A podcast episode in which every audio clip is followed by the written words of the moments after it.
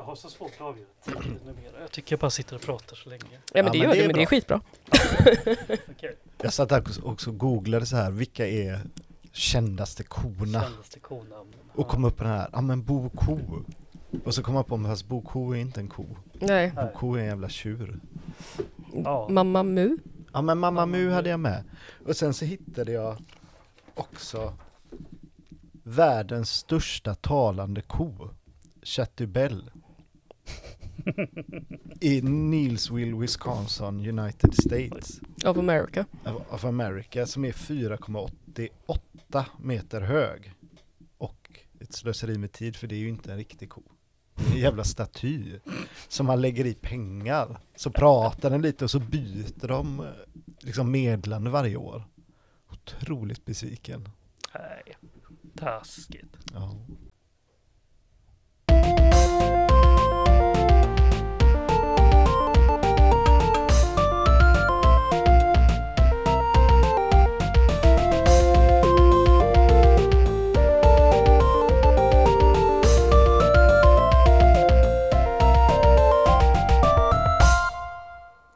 Hej och välkomna till det tionde avsnittet av podcasten Litteraturve. En podcast av och med personalen på Tuve bibliotek på Hisingen i Göteborg. Och I den här podden så pratar vi som jobbar på Tuve bibliotek om vad vi läst, sett, hört eller spelat sen sist. Dessutom så bokcyklar vi, men mer om det sist i avsnittet. Det är fredagen den 17 november när vi spelar in. Jag som programledare, jag heter Judith Widén och jobbar som vuxenbibliotekarie här i Tuve. Och jag är ju inte ensam här i studion i källaren på Kulturpunkten. Mitt emot mig så sitter min kollega Jörgen Andrén. Hej hej! Hej hej. Hej hej! Och till vänster om oss så sitter vår kollega Filip Jusufovic. Hej hej! Hej. Hej! Vad ska du prata om idag Jörgen? Idag ska jag faktiskt prata om två stycken böcker som båda handlar om flykt, om att längta hem och rätt mycket om kor. Ja, spännande. Ja. Filip, vad ska du prata om idag? Eh, Jag ska också prata om två böcker faktiskt. Två bilderböcker som bara delvis handlar om kor. Mm, men det finns med i alla fall. Det finns med minst en ko. Ja, Mm. kotema. Judith, vad ska du tala om då? Är det också kor? Eh, Ja, nej, eh, jag ska prata om läsning som får en att känna livsglädje. Trots ganska eh, misärigt innehåll.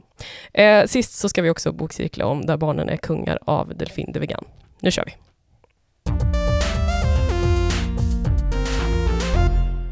Flykt och kossor, Jörgen. Precis. Take it away. Ja, men i våras så släppte boken Älven av Rosa Liksom. Och jag läste den och blev väldigt fängslad av korna i den boken. Det utspelar sig i eh, finska Lappland 1944.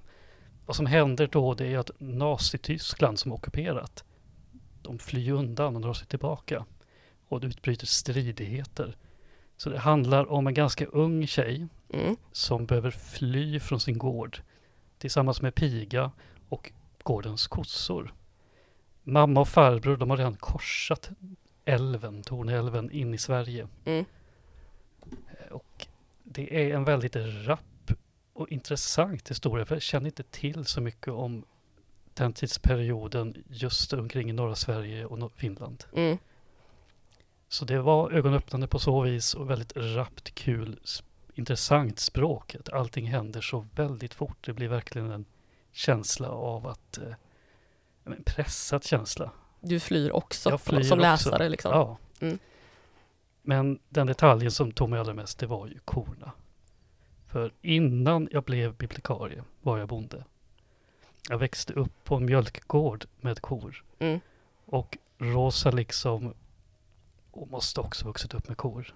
För att de är så levande. Jag känner igen korna så väl i hur de beskriver dem, Mm. vad de gör, hur de reagerar. Och det är alltid det här, det är alltid så smart att ha med sig djur som karaktärer i berättelser. För att man kan sympatisera med dem på ett helt annat sätt. Det är alltid det här hemska att kommer hunden överleva i den här filmen? Mm. Det, det tar för hårt i hjärtat på många om hunden inte överlever. Mm. Och det är den effekten korna i älven fick på mig. För att de förstår inte varför de är på flykt. Och de magrar, de svälter och de sörjer när de förlorar. någon. Det finns sådana scener som går så direkt in i hjärtat. Mm. Och för mig var det, det var behövligt att se och påminnas om det för att vi lever lite nu i en tid, senaste åren, då vi, det är så ofta vi ser de här bilderna på människorna i flykt via sociala medier och media. Mm. Det är hemskt, men efter ett tag så det, blir man så van vid det. Ja, nej, men man trubbas av. Man reagerar ju knappt när, Nej, ja, när en, någon blir mördad eller ett Mm. hus sprängs. Så det här det, skakade om mig och jag hade tänkt att jag skulle prata om det här i våras. Mm. Men, men korna fick en sån central plats för mig att kände att hur en bok som hanterar det hemska av krig och var i flykt. Men jag vill bara prata om gulliga kor. Hur många kor pratar vi om här? Mm, antalet minns jag inte. Jag tror det är kanske en fem stycken ungefär. Okej, Och alla har namn, alla har personlighet. ja det är klart. Hur Mm. Ja. många kor hade ni? När jag växte upp var 25 mjölkkor, 25 till 30 ungefär. Och sen har man alltid så kallade ungdjur. Kor som är på väg att växa upp, de som inte fått sin första kalv och så vidare. Så kanske ett 60-tal totalt. Hur många hette Rosa? Ja, det fanns sån släkt, eh, sån släktlinje liksom. Jag, Glända hade vi en ja, för jag tänkte Ja. på det att hon har Hon har ju det kändaste konamnet. Ja. Och skriver en bok om kor. Mm. Ja. Mm. Ja, men Svartros och Blända, det var de linjerna jag kommer ihåg på rak arm att vi hade. Att då fick ju barnen heta likadant. Mm. Men eh, för det mesta pratar vi nummer. Det blir ju så. Undantaget de här korna med väldigt särskild personlighet. Att vi hade högtalaren. Så var en stor ko som lät väldigt bombastisk när hon råmade. Ja. Men jag skulle säga att jag la ju det här på is för jag bara vill prata kor. Men då kom ju en till bok om jordbruk, kor och flykt och att längta hem nu i höst. Och då är det Sanna Samuelssons bok Mjölkat. Mm. Och den tänkte jag, jag vill kika på den här. Inte bara för att det är kor, utan också för att jag tänkte att det här kan vara en sån där intressant bok som kanske kan tilltala mig på det här speciella sättet. Man möter ju låntagare Mm. som berättar att den här boken träffade mig för jag upplevde liknande saker. Mm. Jag var med, varit med i liknande situationer. Och för det allra, allra mesta så upplever inte jag det i böcker. Nej. Rent själv. Men här tänkte jag, okej, här har vi en författare som är ungefär samma ålder som mig. Har sam, liknande bakgrund. Hon växte också upp på mjölkgård. Mm. Och Sanna Samuelsson skrev den här boken Mjölkat till följd av att hennes föräldrar gick i pension och sålde av gården. Mm. Och Mjölkat handlar om en karaktär som heter Ellen. Det är ett jag-perspektiv så vi följer hennes tankar väldigt nära. Och hon har i början av boken av någon outgrundlig anledning rest hem till sin barndomsgård. Den här boken den såldes ju när vår huvudperson var 10-12 års åldern ungefär. Så hon har ju ett vuxet liv då hon inte varit på den här gården överhuvudtaget. Men hon har en livskris. Hon åker till sin gamla barndomsgård och lyckas ta sig in i boningshuset. Okej, För hur? att- Eller va? Jo, nej, för hon visste ju var hennes familj gömde husnyckeln någonstans när de lämnade huset. Liksom, eh, när de var på bortresta. Ja. Så den familjen som äger huset idag, de är inga jordbrukare. Mm. Och de råkar vara bortresta. Hon plockar på sig nyckeln kort och gott, går in i det här huset. Det bor en liten familj. Hon går till sitt barndomsrum som numera är en annan liten flickas rum. Och lägger sig i den sängen och sover. Så, ja, guldlock. Ja, verkligen guldlock. Ja. Och det är en speciell karaktär för det är verkligen som att hon man får inte veta så mycket om hennes liv i staden. Man bara förstår att hon har bott förmodat Stockholm ganska länge. Mm. Hon har haft en relation med en kvinna och i den relationen kanske det varit svårt verkligen att känna att det är vi, att man verkligen når fram med kärleken. Mm. Så det är väl därför hon av någon anledning nu flytt hemåt, kort och gott. Till och längtar tillbaka till det som en gång var. Mm. Så vi följer hur hon då lever i den här familjens hus som en gång var hennes egna. Och minns saker. Försöker minnas vem hon var och hur hon kände som barn att vara den här bondeungen. Relation till människor i skolan men också relation till livsstilen. Mm. Hur länge är hon i det här huset? Eller framgår det? Alltså jag tänker så med tidsperspektiv Ja, och sånt. Några veckor, det här är under sommaren. Okej, Ja. ja. Och efter ett tag så kommer grannpojken på henne. Han, eh, han har varit ifrån landsbygden ett tag också men återvände hem för att ta hand om sin döende mamma och nu äger han ju huset bredvid. Mm. Så de växte upp samtidigt, valt olika vägar i livet. Han passar ju den bortresta familjens hus. Och upptäcker henne och det, det finns någonting trevande där också. Att du blev den du blev, jag är den jag blev.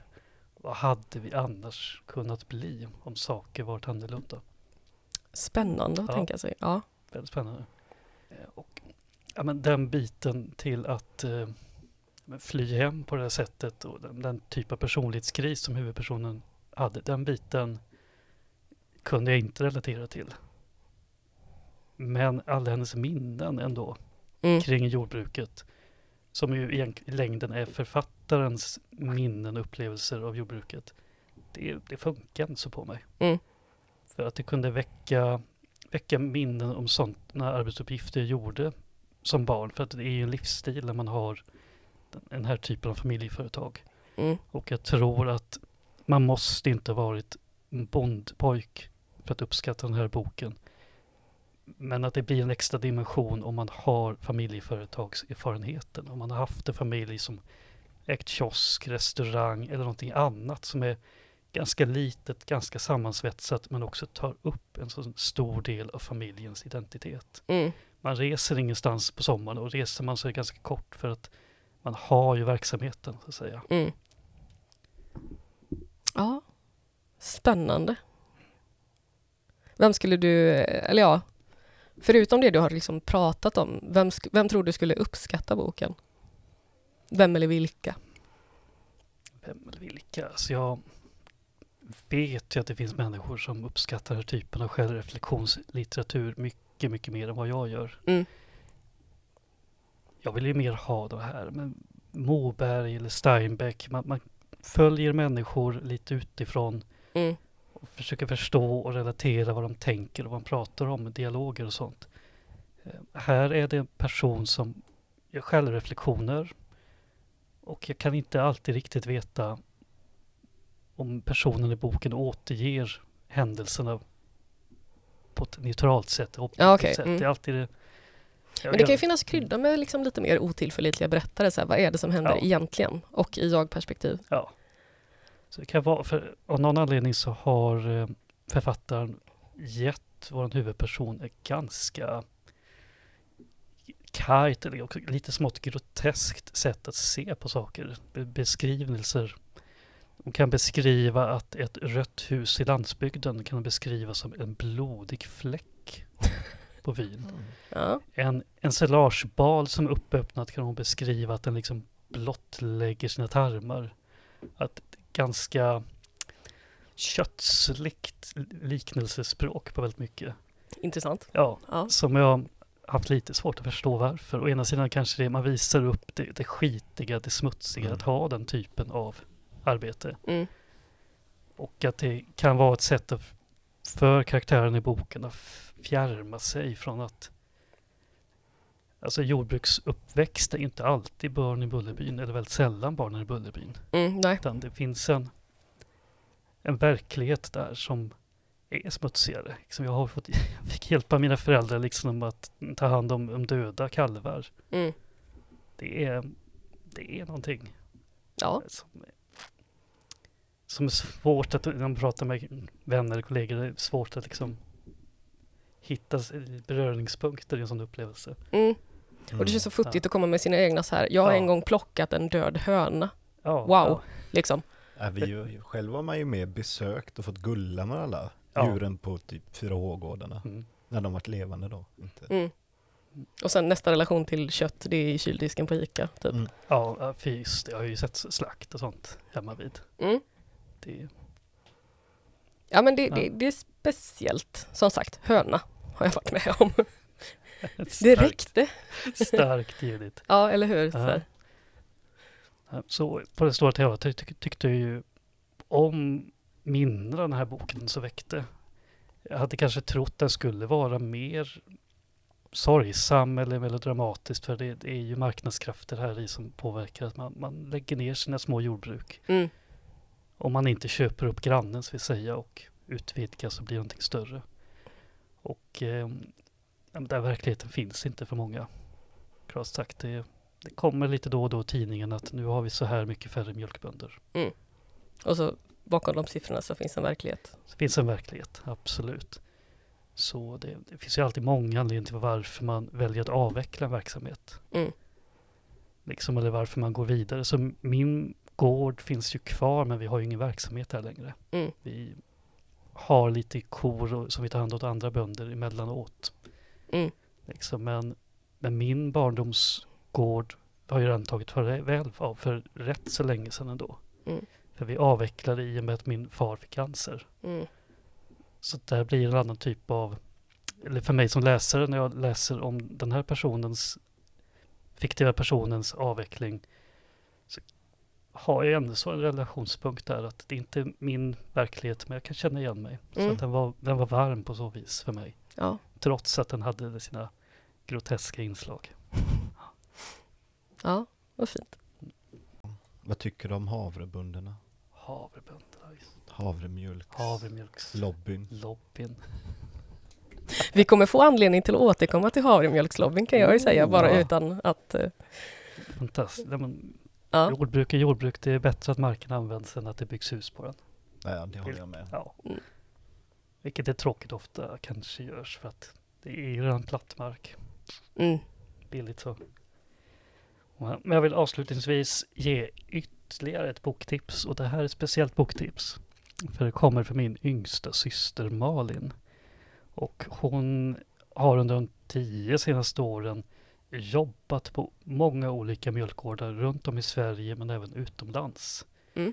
Och det är speciellt när Malin ger boktips för hon läser i princip ingenting. Hon är en eh, handlingskraftig person som alltid vill ha någonting nytt att göra. Men när hon väl läser, då är det två olika typer av böcker. Och det ena är poesi. Och det andra är böcker som handlar om jordbruk. Så Malin bad mig att tipsa om en bok som heter Spild mjölk som är skriven av en helt annan Malin, Malin Sundin. Och hon skrev den här romanen i samarbete med en anonym mjölkbonde. Så det är en roman av att vara bonde i kris och behöva avveckla. Jag har tyvärr inte själv läst den, men Malin älskar den. Vi, vi tar din syra på orden där. Tack Malin!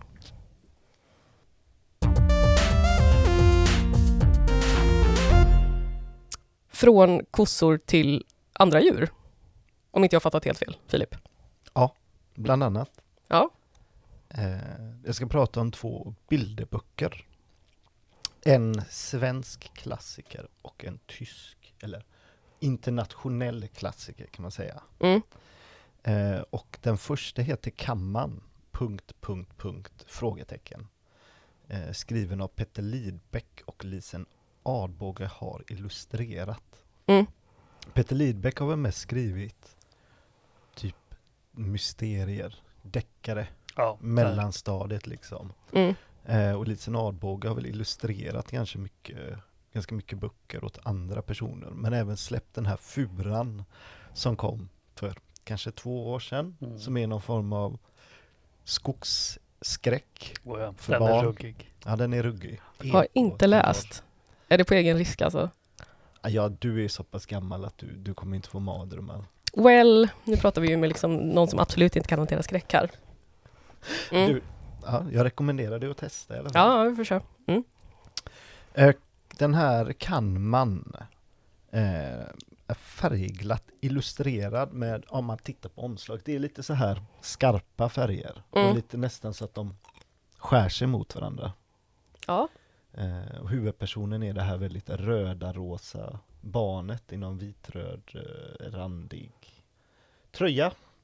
Röda Det ser, det ser liksom lite ut på ett sätt som man sätter på något konstigt filter. Så här, för att göra, man blir rödögd. Ja, Allt blir rött liksom. Det är mycket rött och mycket starkt så, Mm. eh, färg. Hur kom du i kontakt med den här boken? Den här, ja, men den här har jag trillat på någon gång på biblioteket när mina barn var små. Mm. Eh, så den här är jag ju, jag skulle kunna köra den från huvudet tror jag. Mm. Den, här. Eh, den är väldigt bra. Och det är ju då det här lilla barnet som ställer sig frågan, kan man? Eh, så det börjar hela tiden med ett blad här, där de ställer sig frågan om man kan, till exempel, ska vi ha den här. Undrar om man kan simma med pirajor. Och så är det en sån här väldigt humoristisk bild. Mm. Så- ser glada ut. Det är alltså det här barnet iförd prickig baddräkt som står vid en poolkant och det simmar ett gäng inte så glada pirajor i poolen. Jättearga pirajor. Mm. Och sen så byter man sida då och så får- får man svaret. Nej. Nej, det kan man inte. Oj! Ja, det var groteskt. Oj, jag såg inte bilden. Det var groteskt. Hjälp! Det är ju barnets huvud och väldigt mycket skelett här. Ja. Ja, det, är, det är brutala, blodiga, eh, fantastiska bilder. Och svaret då är ju alltid nej, det kan man inte. Nej. Eller, för att man kan ju allting det här, hon lyckas ju med allting, men det får liksom förödande, ofta väldigt blodiga konsekvenser. Mm. Eh, så den här är väldigt rolig, mycket skratt, en sån här som man kan läsa varje läggning. Ja. Det också går så bra in i ja, men barns utforskande. Mina syskonbarn är ju lite i den åldern nu att ja, men om golvet skulle försvinna om man tränar ner i källaren, då dör man. Men den är också, jag tycker den är bra för att den har liksom, den blandar scenarion som kan hända med lite mer otroliga, för det är ändå så här, kan man peta näsan med en vass kniv? Nej det kan man inte för då börjar det blöda. Kan man locka håret med en borrmaskin? Nej det kan man inte. Och så är det liksom blandat med, du vet, Mm. ja men kan man hoppa i med pirajerna? Kan man mata en haj? Eh, och så. Alltså ja, det, det är så här, du kan, men man får tänka. Eller liksom så här, ja. Mm. Ja men med vissa saker lär man sig faktiskt att nej det är dumt att gå ut i trafiken utan att se sig för. Ja. Sen är det också sådana bra här kan man skjuta pilbåge rakt upp och stå kvar nedanför. Kan man fånga en ishockeypuck med munnen? Alltså det här med pilbåge upp nu. Det, du får en båge så du kan stå under. Du kan alltid det. Ja, det, mm. Jag skulle väl jag- säga 90 procent av gångerna. Obs, vi, testa inte det här hemma. jo, det var det jag skulle komma fram till. Eftersom vi ändå är en podd från Tube Mm. så har vi någon som vill testa det här så har vi ju en, vad heter det, vi har en ishall om man vill testa det här med ishockeypucken. Det finns ingen allmän åkning men man kanske kan tjata sig in i något Jag vill också här föra till protokollet Ja. att nej, gör inte detta. Det finns också en bågskytteklubb i Grimbo där man också kan testa det här med, med pilarna Mm. om man vill. Obs, gör inte det. Eh, den här boken vann Bokjuryn 2004 Mm. eh, i kategorin, ja det var det, 0 till 6. Bilderboks. eh, Bilderbokskategorin då. Ja. Så en modern klassiker som håller än. ja, en modern humoristisk klassiker som jag kan rekommendera till alla. Ja, alltså bara, bara den där bilden. Man hade ju oerhörd behållning av den som vuxen. Alltså, det, det såg så himla bisarrt ut. Ja, den är Ja. fantastisk.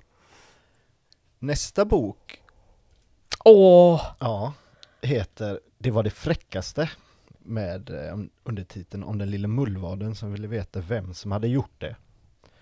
Eh, den är skriven av Werner Holzwart och illustrerad av Wolf Erl- Erlbruch. Starka namn där. Mycket starka namn. Ja. Och det här är en liten bilderbok, eh, man ska säga att om ett brott, en utredning och en hämnd. Mm. Eh, eller som en guide i djuravföring. Också en, en oerhörd kränkning har ju skett framförallt, inte bara ett brott. Oerhörd kränkning. Ja. Eh, oj, jädrar. Den här är från 1989 med originaltiteln Von kleinen Maulwurf der wissen wollte wer ihm auf den Kopf gemacht hat. Enligt Wikipedia är den utgiven på i alla fall 42 språk Mm. och den är lite mer, det känns lite så ritad med pastellkrito nästan. Mm. Mm. Om vi ser, och här är ju kossan. Ja men där kom kon. Ja, Ja. ska väl säga för de som inte är bekanta med de här klassikerna vad som har hänt. Det är att mullvaden har fått en bajskorv på huvudet. Någon har Jajamän. skitit på honom och legat och sovit. Och Ja. han ska utreda vem det är som har gjort det genom att titta på de olika djurens avföring. Ja fast det är inte när han Ja. sover utan han tittar upp Alltså, sin tittar upp. håla för att se om solen har gått upp. Usch, ännu värre. Och då säger det plopp och en avlång bajskorv eh, landar på hans huvud.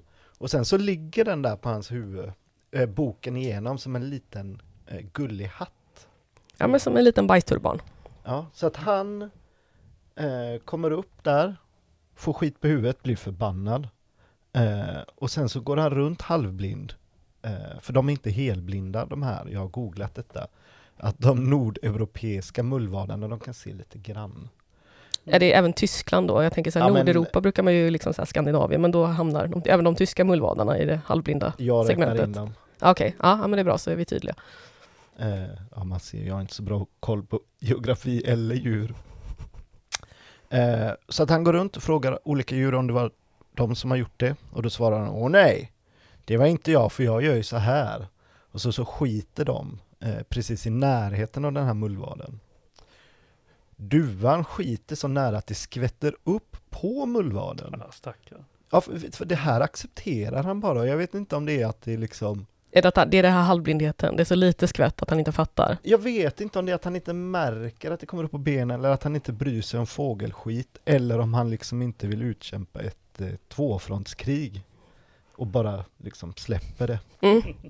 Eh, ja, och sen så till slut då får han lite hjälp av eh, två flugor med att identifiera den här avföringen Mm. och ta reda på vem det var och till slut kan han ju då Nej, ska du spoila det nu? för er Ja, ja. Okej. Mm. kan han få sin hämnd. Ah, Mm. Och det får ni själva ta reda på, alla Mm. lyssnare, vad det är. ja. Alltså ska jag bara tillägga att det här var ju typ min favoritbilderbok när jag var liten. Alltså ja. jag, är- jag är ju målgrupp, den kom 89, jag är född 91 liksom. Den är fantastisk. Ja, den är så himla bra. eh, och otrolig för att han kommunicerar med de andra djuren. Vilket jag tänker att det är tydligt att det är fiktion. Ja, För de kan ju inte kommunicera, alltså, det vet ju du Fast de kan ju tala tyska. Ja. Rimligtvis då. Alltså de har någon form av gemensam tysk djurdialekt som de kommunicerar på. Ja. Jag vill passa på att säga att jag har ju använt den här boken i en kort period när jag var studiebibliotekarie för att i och med att den är så välkänd över världen och översatt på så många språk så har vi haft deltagare som har haft sin hemspråksvariant och en svensk variant för att vi ska börja förstå. Ah! Ja. Alltså, som en eh, dubbeltextbok Ja, liksom. precis. Ja, men det är skitsmart ju. Och jag måste också tipsa alla Mm. att gå in på Youtube och googla den tyska titeln och musikal. För där dyker det upp olika barnteatrar och eh, typ revyer och musikaler och det är Jag satt bara en stund och klickade mig vidare men jag tror att där kan man nog sitta i många, många fantastiska timmar för att det är Vilken en gratis kulturupplevelse, Ja, herregud. Gud, det har varit Så Mm. du har helgplanen färdig då? Ja, gud Ja. ja. Ja. Det var nog allt. Jo just det, den har också kommit i en ganska Den har kommit en ny, lite mindre liksom bilderbok eller pekboks-size version Med ett sån här flika som är moderna så att man liksom själv kan få bajset att Flyger fram och flyga tillbaka. upp och ner i huvudet på han Ah, så det blir som en interaktiv saga då. Du, du bajsar med så att säga. Ja, här kan man bajsa med Mm. getbajset och så Mm. Jag vet inte riktigt, jag är nog lite, det var det fräckaste konservativ så jag hade väldigt svårt för den här, den, de har gjort om teckningarna lite och så, men man, man, man kan ju Mm. testa och se vad man... Mm. Vad ens preferenser ligger där. Mm. Kan Mm. jag konstatera att förlagen vet att bajs säljer Ja, för gud, ja. målgruppen. Kan du också passa på i sammanhanget att tipsa om den fantastiska bilderboken Hej bajskorv. Jag säger inte mer. Nej. Men min systerdotter tycker den är 100% toppen.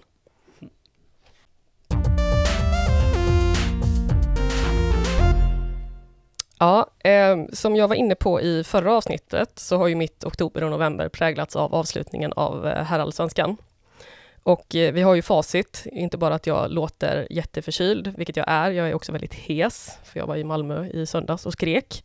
Och vi har facit, Elfsborg bommade guldet, jag är grymt jävla jättebesviken. Men om man nu ska försöka välja glädjen Mm. mm, och ta sig vidare här i livet, så är jag ju eh, fotbollsmässigt väldigt stolt över laget och säsongen. Och på det privata planet är jag ju extremt glad och tacksam över att det här nu är över, för nu kan jag ha koncentrationsförmåga och sinnesro till att göra andra saker i, med mitt liv. Um, så, och det försöker jag ju liksom ta igen då med råge. Um, för den här, vår bokcirkelbok som vi har i podden uh, läste jag redan förra veckan av logistiska skäl. Och vi kommer ju prata mer om den sen då, men jag blev väldigt positivt överraskad och det var liksom som om något väcktes till liv i mig, lite det här att just det, det är roligt att läsa böcker. Så. Så att när jag då vaknade i måndags morses med århundradets fetaste ångest så kände jag bara ett väldigt starkt behov av att få skratta. Och så kom jag på det här att just det, eh, det är kul att läsa. Och då är det också väldigt fint att både jag och vi har en kollega som heter Erika. Och vi har ju nämnt Erika i förbigående i tidigare avsnitt. Och Erika är ju liksom inte bara en dunderkollega och allmän queen, utan för mig också en av de där personerna som vars boktips man tar till sig. För det är en grej som jag har tänkt på kring mitt eget läsande. Och hur och på vilka sätt jag bestämmer mig för vad jag ska läsa. För det finns ju många vägar att bestämma sig för vad man ska läsa.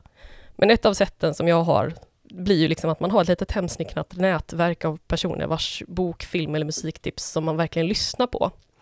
Och det kanske inte alltid är människor som man har exakt lika eller liknande preferenser som, men de kan tipsa om böcker på ett sätt som gör att man blir så grymt sugen på att läsa. Ni kanske känner igen det här? Mm. Just det, nicka hjälper inte. Det. Ja. Ja. Nej men man har sitt lilla gäng. Eh, så. Och i alla fall då för några veckor sedan så stod jag och Erika i informationsdisken och jobbade. Och Erika hade reserverat en bok till sig själv som hon hade börjat lyssna på. Eh, och hon kunde knappt beskriva vad den handlade om för hon skrattade så mycket medan vi stod och pratade. Vilket ju är jättedåligt när vi jobbar på bibliotek. Man ska ju kanske ha lite så ändå att föregå med gott exempel och föra konversationen lågmält. Det gick ju absolut inte. Och jag kände ju att gud, det här känns ju intressant och kul. Eh, och som av en händelse då så lämnade en av våra låntagare tillbaka ytterligare ett exemplar av exakt samma bok bara några timmar senare. Eh, så jag lånade den och tog med mig den hem och så sparade jag det till en regnig dag. Vet ni vem kom komikern Marcus Berggren är? Ja. Mm? Nej. Nej. Vad har du för relation till Marcus Berggren? Du har visat mig Bäst i test. Som jag trodde var ett konsumentprogram för att jag tittar så sällan på tv. Ja, nej, Men då vet jag, är det han den långhåriga? exakt. Ja men då vet jag. Ja. Ja, men han är född 1990, han är uppvuxen i Kungälv och som sagt så är han ju komiker. Han har turnerat, turnerat runt och gjort en del föreställningar sådär, men han slog igenom brett när han var med som paneldeltagare i förra säsongens Bäst i test. Ja, den här svinlånga, smala killen med glasögon och långt hår och mustasch som gör helt bisarrt roliga saker i programmet. Så. Eh, och för några år sedan så hade han en blogg på Djungeltrumman som sorgligt nog inte finns kvar på nätet, men det är så jag lärde känna Marcus Berggren i alla fall. För att eh, det alster som han blev mest känd för är ett blogginlägg från 2016 som ondgör sig över festivalen Way Out West. Mm, Mm. Ja, det är inte bara du. Så.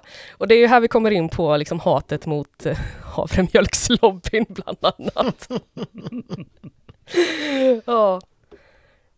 Um, ja. Det är det här. Det, det är ett långt inlägg här, men jag kan bara läsa liksom lite grann då. 2012 tog de bort allt kött. Och det vet ju alla. Vill man rädda världen ska man kränga sojakorv till 30 000 pappor i jeansjacka. All förändring börjar där. Det var så Gandhi befriade Indien. Han förespråkade inget våld och absolut ingen bamsekorv. Mhm. Nästa steg är att förvandla en redan tråkig parkfest till något som mest liknar ett husmöte för textillinjen på Folkhögskolan i Bjärnum var att förra året ta bort all mjölk. De tog bort all mjölk, förutom bland annat glass och ost. Det låter ju inte som att de tog bort all mjölk alls. Det enda som hände var att den stora festivalfavoriten, ett glas mjölk, försvann från menyn. Precis vad jag tänkte säga. Vadå, hur jävla mycket mjölk är det på en festival?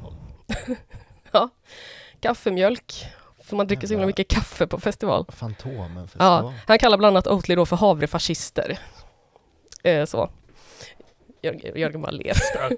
Ja. De pyntar in en halv miljard för att bli av med all konkurrens och kunna kränga sin mannagrynsvällning till folk med tygpåse som inte ser kön. Nej, du kanske inte ser kön, men du känner väl att de har hällt ångkokade kalaspuffar och kranvatten i ditt kaffe istället för mjölk? Jag kommer länka till den här texten. Det, om man vill liksom känna att man vill närma sig Marcus Berggren så kan man läsa den här texten, för den är upplåst på GPs hemsida. Bloggen är död, men den finns på GP. Jag vill bara flika in att vi hatar inte havremjölk så här mycket. Jag Nej, jag var dricker. bortrest i helgen och jag var också tvungen att dricka havremjölk och det var gott. Ja, det funkar. Jag skämdes över mig själv men jag var nöjd. Ja, jo. Det, det är vad det är, liksom. Så. Ja, men det var, var väldigt, väldigt rolig text. Jag tänkte, vad är det här för människa som börjar följa hans blogg? Eh, har följt hans komikerkarriär och förra året då så kom hans debutroman ut och den heter En bra plats i skallen. Och jag har haft väldigt svårt för att försöka sammanfatta boken på ett rättvist sätt. Eh, man, man kan ju liksom ändå konstatera att det är en skönlitterär berättelse om en huvudkaraktär som växer upp i Kungälv tidigt 00-tal och ja, det, det, det är ju liksom en uppväxtskildring egentligen så. Sen fattar man ju av intervjuer och döma att det här är ju i allra högsta grad jävligt självbiografiskt med, med liksom skarvar så. Så det är ju någon form av autofiktion. Och jag kan typ sammanfatta det som att det är lite som Fear and Loathing in Las Vegas fast det utspelar sig i Kungälv och det är så fruktansvärt mycket droger och sprit Mm. på ett sätt som gör att ja, det, det, det är mörkt stundtals, men det är framförallt så fruktansvärt roligt för han har en formuleringsförmåga som är liksom bortom denna värld. Han jobbar jättemycket med roliga liknelser. Det är absolut inte PK och jag fattar att den här romanen kanske inte är för alla, men jag har skrattat så jag har gråtit nästan stundtals. Men det är liksom hans uppväxt i, i Kungälv och liksom den här att den här sortens uppväxt som man kanske har i kranskommuner, eller man växer upp på en plats som ligger utanför en mycket större plats, som känner att man lockar på en och man försöker fördriva sin tid i en ålder när man liksom bara är allmänt vilse och lost. Vad fan ska man göra? Det är bara liksom ett letande efter nästa fest eller nästa stora grej som bara händer någonstans. Att hela tiden känna det här att världen är någonting som händer långt bort och inte där jag är. Att hela tiden vilja längta bort och försöka hantera det med asmycket droger och sprit. Och att ha ett band som råkar bli misstaget för ett vit maktband. Alltså allt det här känns ju igen väldigt mycket från alla jag har hängt med i Kungälv när jag var ung. Mm, du, du kommer nog antagligen... Det var band, det var vit makt, det var alkohol. Ja, det, det är ju inte vit makt de då, men de blir misstagna för att vara ett vit maktband för att de har den olyckliga eh, initialerna HH i bandet. Ja, jag är bara så här, jag har alltså inte hängt med vit maktband i Kungälv. Bra, det vi ska förtydliga detta. mycket sånt runt omkring. Ja, och det, det, det är ju också en, en liten komponent i den här uppväxtromanen också, just det här förhandla sig, för, förhålla sig till raggarna, vit maktfolket och liksom de här invandrargängskillarna som vi alla ville spöa en om man hade ett band som inte var något av det ena eller det andra. Så. Eh, men det är också en väldigt, ja men just det här om att vara någonstans tidiga, tidiga 20-årsåldern, sen, sena tonåren och försöka hitta sig själv och ha lite konstiga jobb. Han får bland annat jobb som eh, på Chalmers här, vaktmästare och internservice. Och hamnar i lag med en gubbe som var kung på Chalmers för att han hade jobbat här i 20 år utan att jobba. Han åkte Mm. bort till Brunnsbo och hjälpte tanter att flytta istället. Och när folk ringde och frågade var fan han var någonstans så sa han att nej, på Lindholmen, vilket är ungefär säga som en sån här get out of jail card. Så. Ehm, så att jag har skrattat så fruktansvärt jävla mycket. Jag vill tacka Erika för det här tipset. Det var toppen och det var liksom för, mig som då inte var på en bra plats i skallen, få lite bättre plats i skallen genom den här boken. Ehm, den finns ju att låna i som fysisk bok på biblioteken i Göteborg. Den finns också i Libby-appen som ljudbok uppläst av Marcus Berggren själv. Oh. Och tyvärr hade jag ju redan läst klart boken när jag blev varse om detta. Men började lyssna lite grann. Jag kan säga så här, lyssna inte på den i kollektivtrafiken eller när du kör bil, för du kommer ju garva rätt ut. Om man inte nu känner att man är en människa som kan bottna i att garva rätt ut och känna att andra stirrar på en. Så. Ehm, så ja, jag kan verkligen, verkligen rekommendera den. Gött. Mm. Kan inte, jag vill titta på omslaget. Mm. Den, jag tror att den är roligare än omslaget ger sken av. Ja. det, är, ja, det är så himla, himla starkt. Ja. De hade inte kunnat sparka honom för de hade aldrig kunnat bevisa att han inte jobbade. Varje morgon satte han sig i avdelningens skåpbil, slog på Radio Partille som bara spelade gamla godingar, tände en hemrullad cigg och drog iväg. Vad han sedan gjorde hela dagen visste ingen. Han var ursprungligen från en Stockholmsförort och hade känt Kenta och Stoffe, så han hade kört hårt länge och hade inga planer på att sluta.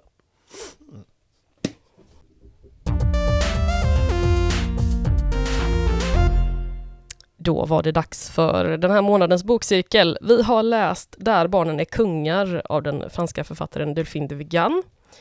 Ehm, det handlar om en kvinna som växer upp med en realityserie och slutar ju aldrig drömma om att bli känd, blir gift tvåbarnsmamma i en förort till Paris, startar en Youtube-kanal om sin familj och sina barn där hon delar med sig av sitt vardagsliv och snart har hon miljontals följare och kan göra allt fler kommersiella samarbeten. Barnen blir ju motvilligt stjärnor mamma Melanie njuter av framgången och en dag så försvinner den sexåriga dottern Kimmy när de leker kurragömma. Mhm. Ja, vi, vi börjar eh, någonstans i hur, hur var det att läsa den? Filip? Mm, det var bra. Mm. Jag tyckte det var en bra bok. Otroligt provocerande.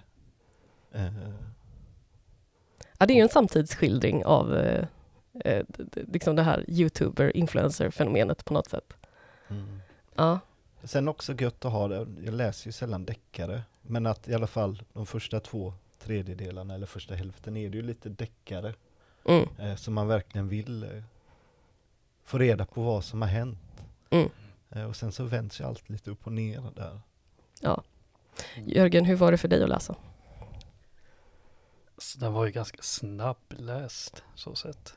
Jag tog ju två tredjedelar ganska kvickt och för all del försvinnandet var ju absolut en grej till att man fortsatte. Mm. Men också just att den, den var ganska rak och rätt på. Men jag satt länge med en konstig tom känsla. Att var, varför, varför läser jag så mycket men känner mig så tom? Varför tycker jag inte riktigt, riktigt om den? Okej. Jag fick sitta och klura på det ett tag men eh, Ja, jag tror jag upptäckt varför. okej. Mm. Nej, alltså som jag var lite inne på innan, jag eh, har varit inne i en lite dålig läsperiod, men och kände väl att okej, jag får väl öppna den här. Alltså, jag kände verkligen att omslaget bedrar. Mm. För det är ju verkligen inte vad man tror när man tittar på omslaget och tänker det här är någon feelgood-roman. Hade man väl, gick man in med de förväntningarna på något sätt. Sen läser man baksidan okej, det här är absolut inte en feelgood-roman. Och sen bara, oj, jävlar, shit. Det det är som du säger, det börjar ju som en deckare egentligen och det är nog det jag är fast i och sen är det ju någon form av alltså samhällssamtidskommentar på ett sätt som är ganska roligt. Eh, Även fast jag kan tycka att mamman är lite platt som karaktär, men det kan man gå in på senare kanske. Ehm, men det är också första pappersboken jag har läst på ganska länge. Det var, det var trevligt. Så. Mm. Även fast boken är lite, lite äcklig. Ja, vi, Ja, mitt exemplar ser för jävligt ut, men det... då gjorde jag ändå rent det. ja, du... Exemplar med sandpapper och Ja, försökte få bort de värsta fläckarna. Ja, det, Ja, jag du det. ser ovandelen som jag har gett mig på. Och så Ja. kollar du på under. Ja, jo, ja, mm. Jag uppskattar det. Tack. Ja. Ehm, vilken person fastnar under er, hon- un, alltså vilken person fastnade hos er under läsningen? Oj. Alltså ja. Ja, det är väl hon snuten kanske. Mm, håller med. Mm. Ja, för det är ju en kvinna som får i uppdrag att utreda det här försvinnandet. Och man, hon är ju en av huvudkaraktärerna som man får följa med liksom också. Eh, hon är ju liksom så här, the voice of reason i allt det här kaoset på något sätt. Jag tror man fastnar ganska lätt för henne just på grund av det. Mm, och så är det ju lite mer bakgrundshistoria. Och så, det är väl egentligen bara eh, Mel Klara som har lite mer längre så bakgrundshistoria med uppväxt och föräldrar och så. Och så, Ja. så såklart Kim och, Kimmy och Sammy som Nej men absolut. Mamma Mel och polisen Klara, de sätts ju upp lite som att vara två motpoler. Att Klara är uppvuxen i en ganska analog familj. Mm. Man hade inte tv. Nej Liksom hon har ju sådana ja. goa Anarkistpäron. Ja, Ja. Och ja, men, det är som att eh, för mig så båda karaktärerna är ganska döda. De är pappersdockor för mig. mm, Men Klara har lite mer karaktär och det är kanske mest bara hennes bakgrund som gör den spännande. För annars kände jag mest att hon finns där eh, delvis för att vara en motvikt och vara en sorts riktigt analog personlighet. Men också att det är en deckarhistoria för att författaren ska ha en anledning till att berätta för läsarna som inte är bekanta med Youtube-fenomenet vad som föregår där. Att Mm. alla de här proto- förhörsprotokollen finns där som att berätta. Och jag tror det är en bit i att jag känner mig velig kring den här boken för att den är lite facklitteratur emellanåt. Att en del eh, personligheter och tv-program som refereras till finns. Liksom Mm. har funnits. Det var den där personen som vann eh, Big Brother det och det året. Eh, och jag känner ju till det här konceptet, den här världen med familjer som gör, tjänar pengar på att filma sina barn i alla möjliga situationer. Mm. Så det var ingenting nytt för mig och jag tror jag bidrog till att jag kände att den här boken är lite tom för min del. För jag hade kanske föredragit en ren fackbok istället. Mm. Spännande. Jag tänker också, fast, alltså så att första delen då när Kimmy försvinner, eh, den är ju egentligen någon form av tie-up till det här som hon kanske egentligen, eller författaren egentligen vill liksom kritisera någonstans, Mm. och som är den underliggande tonen. Vad händer med barnen? Alltså, Ja. Inte den här "What- “someone didn't think of the children” liksom hysteriskt, utan mest Mm. vad händer med en person när den liksom kommersialiseras på det sättet från tidig ålder i sin vardag? Och kommer de slå bakut om tio år sen när de växer upp och inser att vad fan är det jag varit med om? Mm. Typ. För det är ju det som händer. Kimmy kommer ju tillbaka. Det visar sig att hon har liksom typ åkt med en gammal familjebekant i princip och inte varit kidnappad alls förutom att hon har hållit henne undan från mamman Mm. för att hon ska slippa få vara liksom en produkt i en Mm. vecka. Men jag tänker redan innan där har ju Kimmy själv börjat göra motstånd Mm. mot det där. Hon spiller medvetet på sina kläder och sådär inför att de ska filma. Mm. Ja. Mm. Jag kan känna att de här två tredjedelarna av boken som är upptakten till den sista tredjedelen som är en framtidsskildring. Mm. Att jag hade nog föredragit att bara framtidsskildringen. Jag hade föredragit en sci-fi, någonting som direkt gick på konsekvenserna. Och det kanske handlar just om att jag är bekant med fenomenet från start. Mm. Så den här långa uppbyggnaden, den gjorde inte så jättemycket för mig. Men det fanns små strån där i den här framtidsversionen. Som jag började känna och förstå, men det- här är ännu värre än vad jag kanske tänker mig. Mm. Och jag hade nog hellre haft en hel som bok. Att totalt känna att den här boken där barnen är kungar, det är inte en dålig bok. Det är en helt okej bok, men det var inte den typen av bok som jag hade velat ha. Okej. Det är inte Mm. facklitteratur och det är inte sci-fi. Ja. Eller sci-fi är nog sättet att det är någonting om tio år och spekulativt. Och Ja. vad händer med personerna? Men Mm. den är allting lite grann. Lite deckare, Ja. lite sci-fi, lite dystopi. Ja, Ja. Lite, ja men lite konsumentupplysning. Det här sker Ja. kanske. ja. Så jag är nyfiken på hur hur upplevde dina cirkeldeltagare den här beskrivningen om hur ja, man, man filmar familje-Youtube? Var de bekanta med det tidigare? Eller fick de informationen från boken? Det var nog lite blandat, skulle jag säga. Eh, vi pratade, vi kom in mycket på vad man delar med sig liksom ut. Men det blev också så här intressanta, de kommer in på så här teknik och hur man lätt ser alla fördelar i början liksom. och haka på allting. Eh, lite så utan att reflektera över vad det får för konsekvenser. Så sånt kom vi in på att prata om, och om AI och liksom eh, lite det här. Ja men samma som att i boken finns det inte klara lagar ännu för hur mycket barnen får jobba och sådär. Och att man inte har reglerat liksom forskningen inom AI, att man börjar prata om sånt nu, liksom, vad det får för konsekvenser. Så vi kom in på mycket sånt och de har så himla mycket koll på saker. De har ju bättre koll på AI och ChatGPT än vad jag har, känner jag. Mm. Jag tänker de har också tid att läsa om sånt här. Ja, det har de absolut. Eh, goa gänget. Jag svarar nog inte på din fråga, jag kommer inte ihåg vad Ja, din jag fråga tyckte var. det var tillräckligt. Ja, Liksom men vad, vad tyckte de om boken då, generellt? Jag tror att de gillade den, var väl konsensus. Mm. Eh, intressant, lätt att läsa, men också att den inte var så litterär i stilen. Och sen har jag antecknat ett citat som var, man måste acceptera allt, det är lite konstruerat, det är ingen tveksamhet i något. Men sen så antecknar jag liksom inte diskussionen efteråt, eller så, samtalen, så att det, det är lite oklart. Mm. Spännande. Ja, jag pratade också för här i boken, det börjar ju med någonstans som att Mel visar upp en yta på Facebook Mm. Eh, Hon lägger upp fyra kort liksom som visar olika lyckliga scenarion fast hon egentligen är hemma och är typ, jag vet inte, förlossningsdeprimerad eller någonting. Hon mår ju inte bra. Mm. Och frågar dem hur de gjorde liksom för att, hur visade man upp en falsk yta Mm. inför sina vänner förr? Men det var så här, nej, det gjorde vi inte. Vi hade inte behov av det. Utan så pratade vi lite om det, om man kanske fick det utifrån, alltså gratis utifrån eh, Mm. klass och föräldrar och yrke, att man redan hade det utåt Mm. på ett annat sätt. Ja. Jag kan ju samtidigt tänka mig att man, man ville visa upp en viss yta mot människorna som bor på samma gata. Mm. Kanske ändå. Jo, men det Ja, skulle jag nog absolut säga. Bara titta på min, mina morföräldrar och farföräldrar generation där liksom hur det funkade. Att det var jävligt viktigt att visa upp ett rent hem och barnen Mm. skulle ha hela rena kläder. Och, Så det, ja, kanske- men liksom det, det, det, ja, men jag kan liksom någonstans, ja, men det, här- det skulle piffas upp och radas upp på julafton.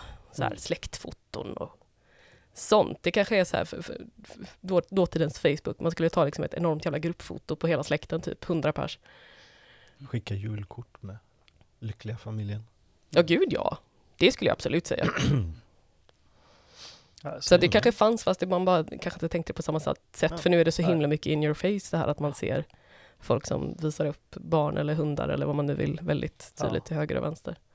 Men det, det, jag kan också känna någon sån här kluvenhet till det. Liksom man, man läser boken och tänker vad är det här för jävla människa? Och sen börjar man tänka själv, alltså, vad lägger jag ut på sociala medier? Vilken bild vill jag förmedla av vem jag är? Hur soft och eh, cool jag är, liksom. Någonstans. Mm. Så det, det, det gav ändå upphov till viss självreflektion på ett sätt. Så här, bara, okej. Hur, hur ser mitt... Eller någonstans så här, hur manifesterar sig min narcissism i sociala medier? Här blir det så himla övertydligt och in your face att det här är en...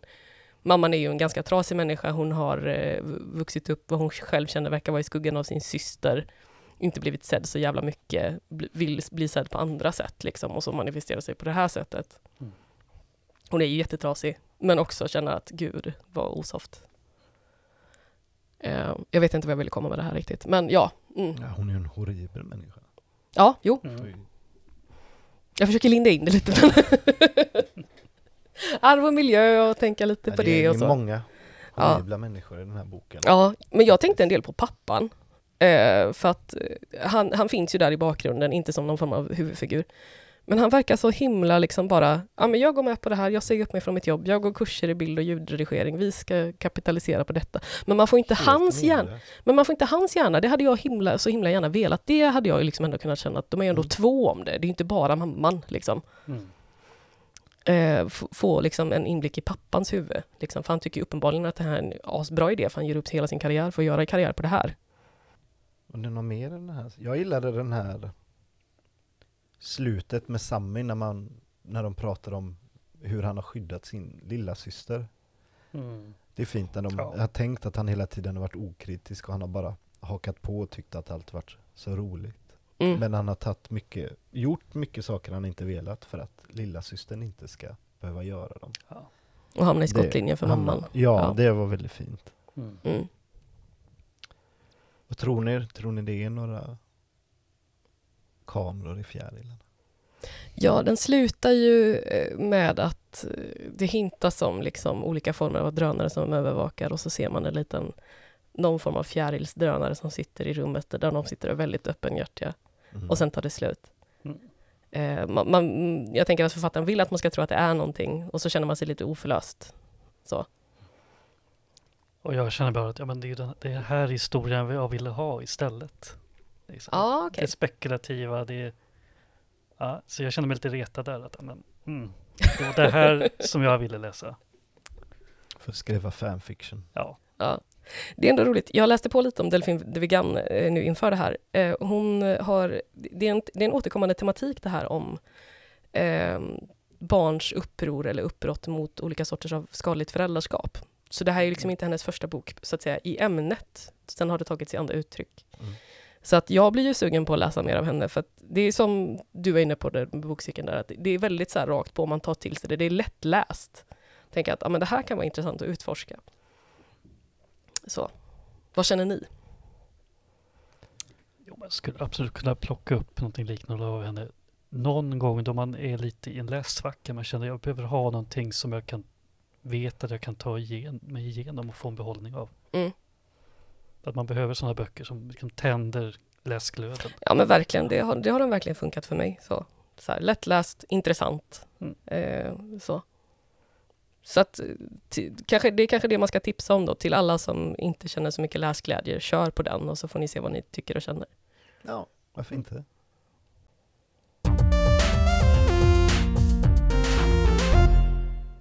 Yes, nästa månads bokcirkelbok blir en klassiker, för det brukar du köra i bokcirkeln en gång i terminen va?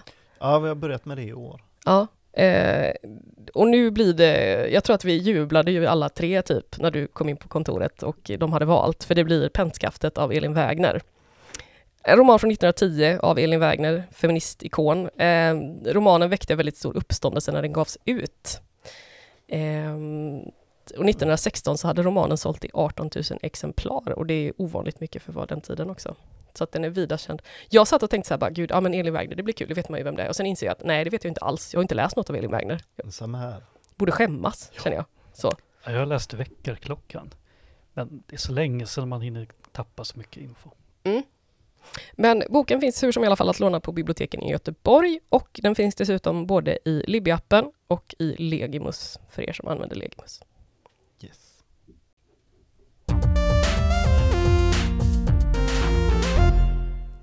Då var vi klara för idag. Tack till er som har lyssnat.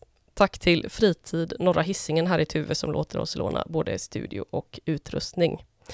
Tack till artisten The Boff JR för vår fina jingel som heter Utsikt från Lunden. Vi ska lyssna på den en gång till.